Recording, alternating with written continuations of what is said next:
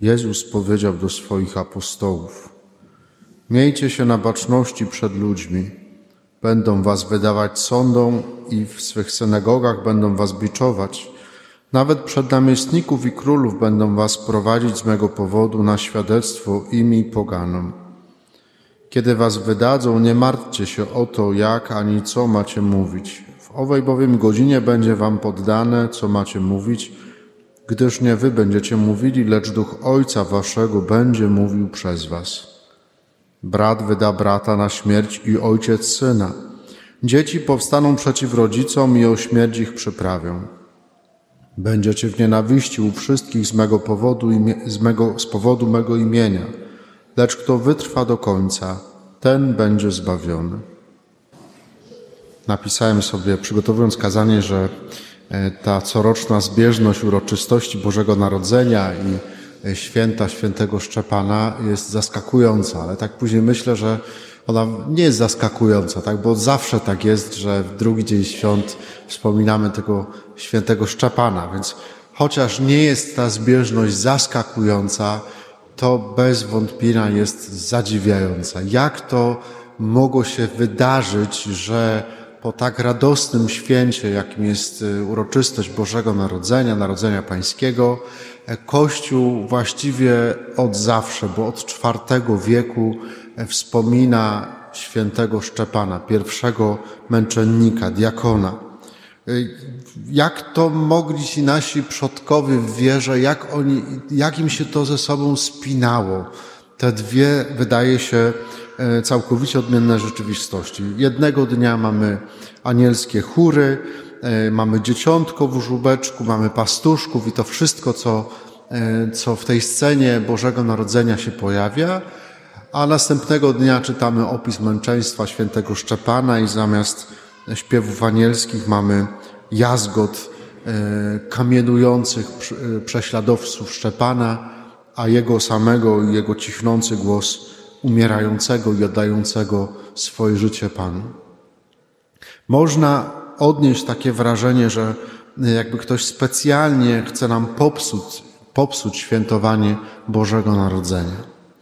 Ale też e, troszeczkę mówiąc z przekąsem, można powiedzieć, że od razu czujemy się jakoś trochę tak swojsko no bo y, przecież w naszej codzienności, nawet w najpiękniejszych chwilach, zawsze znajdzie się jakiś taki smerf maruda, który znajdzie jakąś dziurę w całym, który powie, że nie ma się z czego cieszyć tak naprawdę, że, że zawsze będzie ktoś, komu coś nie będzie pasować. No jest tak, no jest tak, po prostu tak jakoś y, ten nasz świat jest skonstruowany.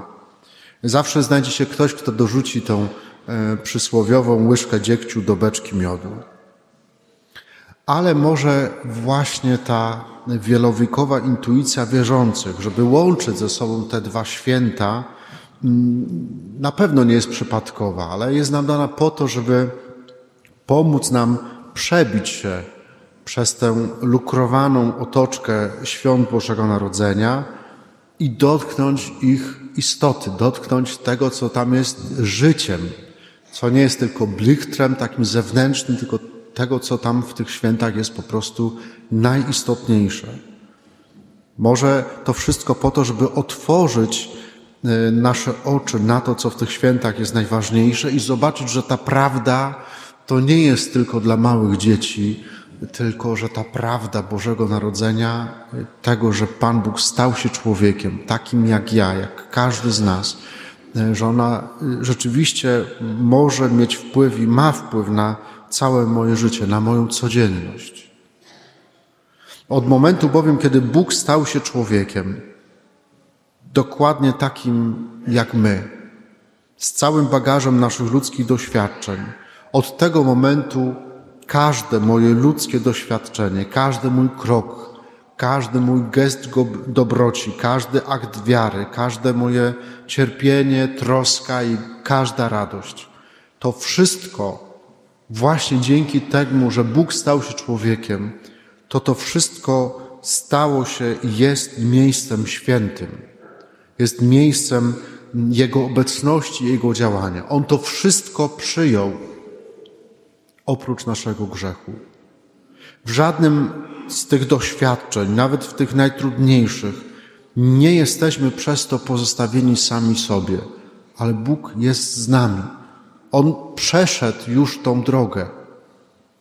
Pomyśl o tych wszystkich Twoich doświadczeniach, które składają się na Twoje życie, na to, kim jesteś. I tych radosnych, e, i tych trudnych, i tych smutnych. My czasami narzekamy, że lepiej, żeby tych trudnych rzeczy nie było, żebyśmy nie musieli się z tymi trudami jakoś tam zmagać, e, z nimi się mierzyć, ale gdyby ich nie było, to nie bylibyśmy w tym miejscu naszego życia, w którym jesteśmy. Bylibyśmy całkowicie innymi osobami niż jesteśmy. Więc to wszystko w jakiś sposób, w takiej szerokiej perspektywie, Bożej perspektywie ma sens.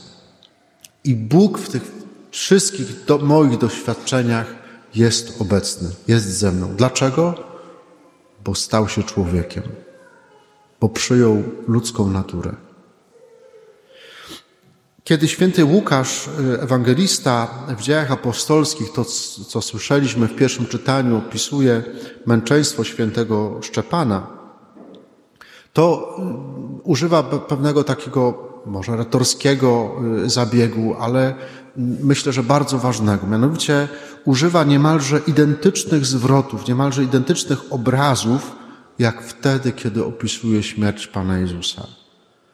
Jakby chciał nam zasugerować, że może to jest właśnie ta perspektywa, która nadała sens męczeńskiej śmierci świętemu, świętego Szczepana i pomogła Szczepanowi przejść tą drogę, pójść tą drogą, bo był świadomy tego, że Jezus, Jego mistrz, Jego nauczyciel, przed nim już tę drogę przeszedł. Oddając swoje życie święty Szczepan, Dzieli więc doświadczenie samego Boga, samego Jezusa. Można powiedzieć, że Szczepan stał się ikoną Jezusa, a ikona w tej prawosławnej teologii to jest nic innego jak takie okno tutaj, z tej naszej rzeczywistości, okno na rzeczywistość nieba, przez które możemy zobaczyć Chrystusa, tego w prawdzie. Patrząc dzisiaj na Szczepana, patrzymy na umierającego na krzyżu Chrystusa. Być człowiekiem wierzącym nie oznacza wcale wykonywać jakichś określonych, e, jakiś określony zestaw pobożnych czynności albo posiadać określony zakres wiedzy na tematy religijne. Co więcej, doświadczenie nam podpowiada, że można być nawet mistrzem w czynnościach pobożnych. Można mieć nawet doktoraty z wiedzy o Panu Bogu, a jednocześnie być człowiekiem niewierzącym. Być człowiekiem wierzącym nie oznacza także wierzyć po swojemu, tylko w to, co mi się wydaje słuszne albo co mi teraz akurat pasuje do życia, a odrzucać resztę. Być wierzącym, i to, o tym też jest to dzisiejsze święto, to jest to głębokie pragnienie i codzienne staranie o to, żeby być blisko Pana Jezusa, żeby żyć w Jego łasce, żeby żyć tak jak On. Jak święty Szczepan, żeby być ikoną Jezusa dla świata. I chcę Was dzisiaj w to drugie święto e, zostawić z takim jednym, myślę, ważnym pytaniem, jakoś wynikającym dla mnie z tej, e, z tej historii męczeństwa świętego Szczepana.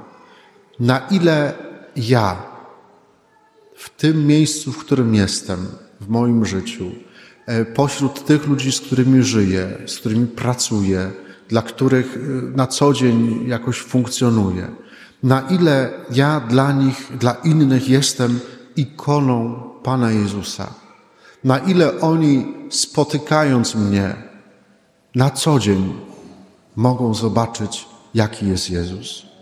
Prośmy e, świętego Szczepana, dzisiaj przez jego wstawiennictwo módlmy się o to, żebyśmy dla naszych bliskich, dla tych, pośród których Pan Bóg nas stawia, prośmy, żebyśmy byli jak najpiękniejszym, jak najwyraźniejszym obrazem rzeczywistości Pana Boga, który stał się człowiekiem, takim jak my. Amen.